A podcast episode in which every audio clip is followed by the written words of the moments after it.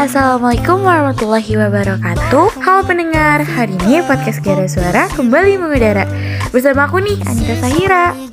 Gimana kabar kalian? Selama di rumah aja? Semoga yang masih sakit diberikan kesehatan yang melimpah Nah, yuk lanjut ke podcastnya. Nah, sekarang aku mau bawa podcast bertema Hari Film Nasional. Kira-kira kalian udah pada tahu belum sih Hari Film Nasional itu didirikan pada tahun? Dan tanggal berapa? Pada tahu nggak nih? Jadi Hari Film Nasional itu didirikan pada 30 Maret tahun 1950. Oh ya, kamu udah pada tahu belum sih? Meskipun Lutung Kasarong merupakan film pertama yang dibuat di Indonesia, tapi pembuatnya adalah orang asing loh. Penasaran gak nih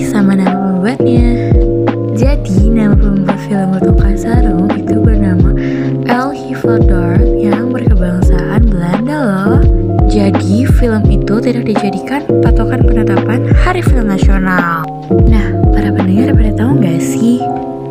Selain itu, meskipun Indonesia telah merdeka sejak tahun 1945, tapi perusahaan film nasional baru berdiri pada 1950. Nah, Umar Ismail dan kawan-kawan mendirikan perusahaan film nasional yaitu Perfini.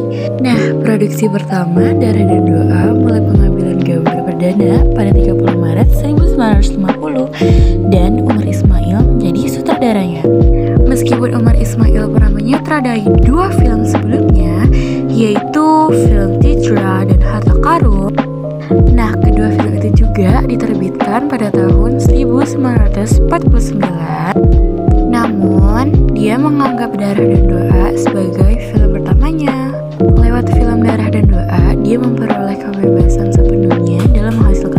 sebagai karya seni, bukan semata barang dagangan. Nah, kira-kira pendengar udah pada ngerti belum nih? Nah, segitu saja yang aku tahu tentang berita Hari Film Nasional. Maafin aku juga ya para pendengar kalau aku ada salah kata dalam pengucapan. Nah, aku ada satu lagu nih buat kalian. Untuk menemani kalian mendengar Gada Suara di Spotify. Nah, sekian podcast aku kali ini. Jangan lupa saksikan di hari-hari berikutnya ya pendengar. Goodbye.